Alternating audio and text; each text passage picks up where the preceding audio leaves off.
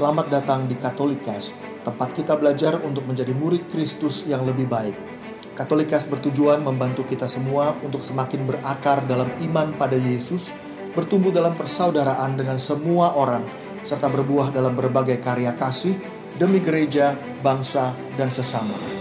Katolikas berisi cerita kesaksian dan refleksi hidup sebagai pengikut Kristus, katekese iman yang relevan dan praktis untuk hidup sehari-hari, serta dialog topik-topik kekinian dengan berbagai narasumber untuk memperkaya hidup iman kita semuanya.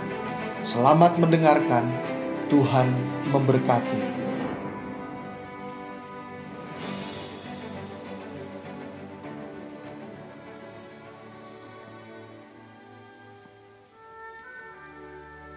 Kita berjumpa lagi dalam refleksi bacaan hari Minggu dan kali ini kita akan bersama-sama mendengarkan refleksi dari bacaan liturgi Minggu 27 September 2020.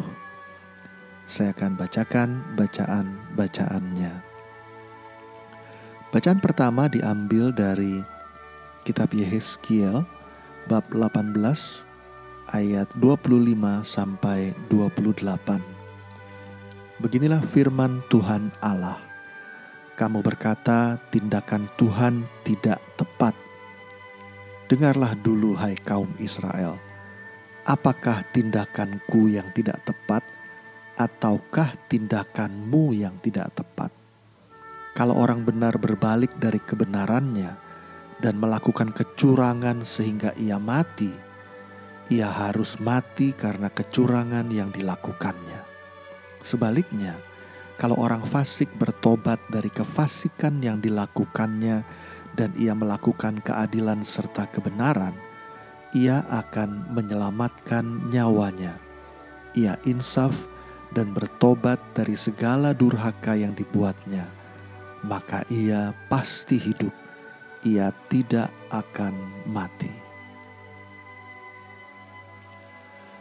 Bacaan kedua diambil dari Filipi bab 2 ayat 1 hingga 11. Saudara-saudara, dalam Kristus ada nasihat, ada penghiburan kasih, ada persekutuan roh, ada kasih mesra dan belas kasihan. Maka sempurnakanlah sukacitaku dengan ini. Hendaklah kamu sehati sepikir dalam satu kasih, satu jiwa, dan satu tujuan – dengan tidak mencari kepentingan sendiri atau pujian yang sia-sia.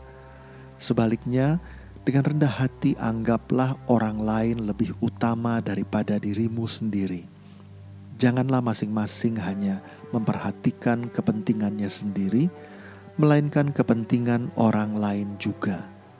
Dalam hidupmu bersama, hendaklah kamu bersikap seperti Kristus Yesus Walaupun dalam rupa Allah, ia tidak menganggap kesetaraan dengan Allah itu sebagai milik yang harus dipertahankan. Sebaliknya, ia telah mengosongkan diri dan mengambil rupa seorang hamba dan menjadi sama dengan manusia. Dan dalam keadaan sebagai manusia, ia telah merendahkan dirinya dan taat sampai mati, bahkan sampai mati di kayu salib. Itulah sebabnya Allah sangat meninggikan dia dan menganugerahinya nama di atas segala nama, supaya dalam nama Yesus bertekuk lututlah segala yang ada di langit, yang ada di atas dan di bawah bumi, dan bagi kemuliaan Allah Bapa, segala lidah mengaku Yesus Kristus adalah Tuhan. Bacaan Injil diambil dari kitab Matius bab 21 ayat 28 sampai 32. Sekali peristiwa Yesus berkata kepada imam-imam kepala dan tua-tua bangsa Yahudi, "Bagaimana pendapatmu? Ada orang mempunyai dua anak laki-laki. Ia pergi kepada yang sulung dan berkata, 'Anakku, Pergilah bekerja di kebun anggur hari ini. Jawab anak itu, baik Bapa. Tetapi ia tidak pergi. Lalu orang itu pergi kepada anak yang kedua dan berkata demikian juga. Dan anak itu menjawab, "Tidak mau." Tetapi kemudian ia menyesal lalu pergi juga. Siapakah di antara kedua orang anak itu yang melakukan kehendak ayahnya? Jawab mereka, "Yang terakhir."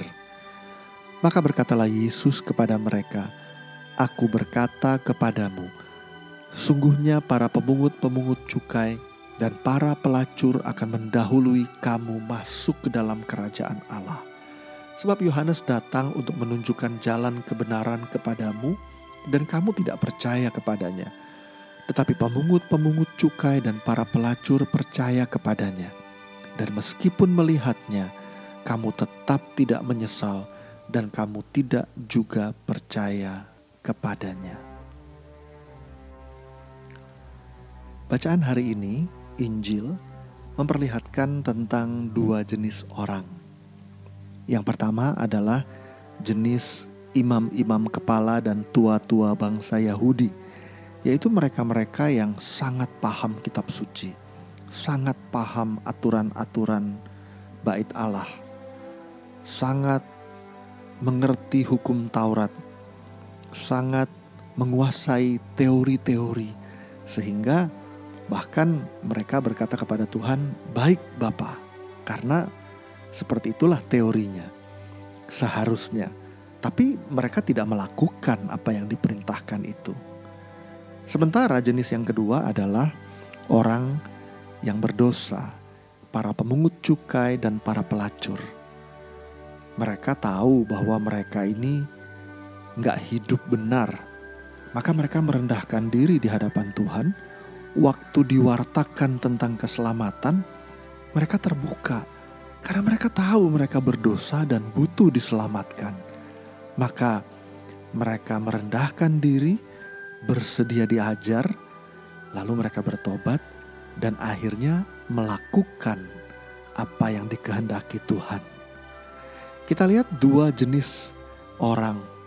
Yang pertama yang merasa dirinya hebat sehingga melakukan atau mengatakan seperti yang teorinya bilang apa, yaitu harus mengerti, harus bilang iya, tapi tidak melakukan. Itu yang juga berusaha digambarkan oleh Nabi Yehezkiel, yaitu orang-orang yang protes sama Tuhan.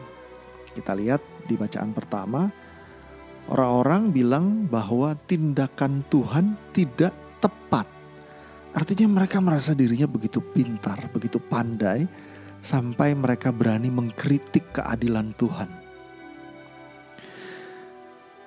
Yeskiel bilang, yang diselamatkan sama Tuhan adalah bukan orang yang pandai dan pintar lalu mengkritik Tuhan karena kehebatan mereka, tapi tidak melakukan keadilan.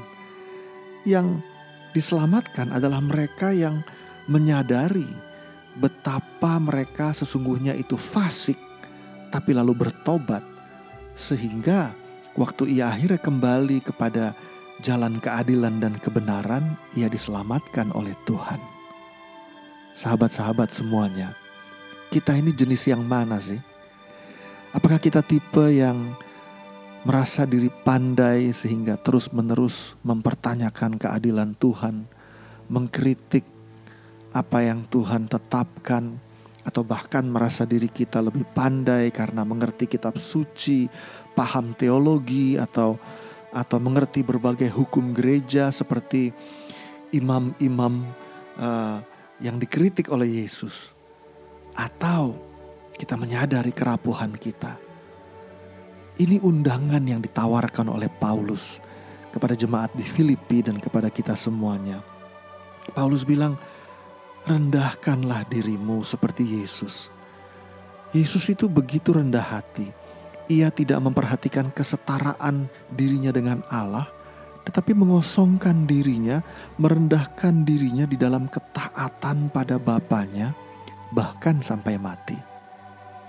Maka seperti Yesus yang merendahkan diri dan taat, Paulus bilang kita perlu menjadi seperti Yesus kita perlu bersikap seperti Kristus. Ungkapannya adalah dengan menerima ajaran Tuhan, terbuka pada ketetapan-ketetapan rencana Tuhan di dalam hidup kita, dan juga mendahulukan orang lain sebagai yang lebih utama. Maka, kalau kita ada di sekitar orang-orang banyak atau lingkungan keluarga, sahabat, berikan tempat yang lebih baik bagi orang lain.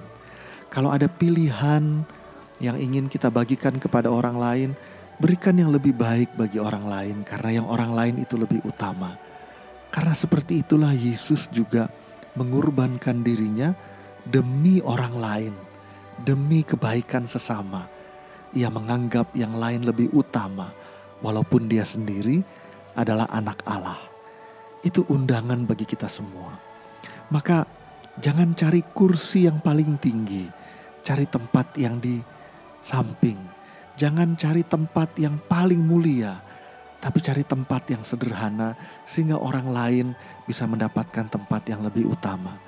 Dengan demikian, kita belajar menjadi seperti Yesus yang merendahkan diri, taat pada tuntunan Bapaknya, dan selalu mengusahakan yang lebih baik bagi orang lain.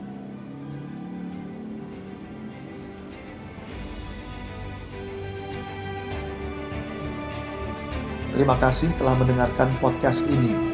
Jangan lupa untuk berbagi Katolikes kepada para sahabat dan kenalan kita, supaya semakin banyak orang mengenal kabar gembira Tuhan Yesus dan mengalami kasihnya yang memulihkan, menguatkan, dan memberkati.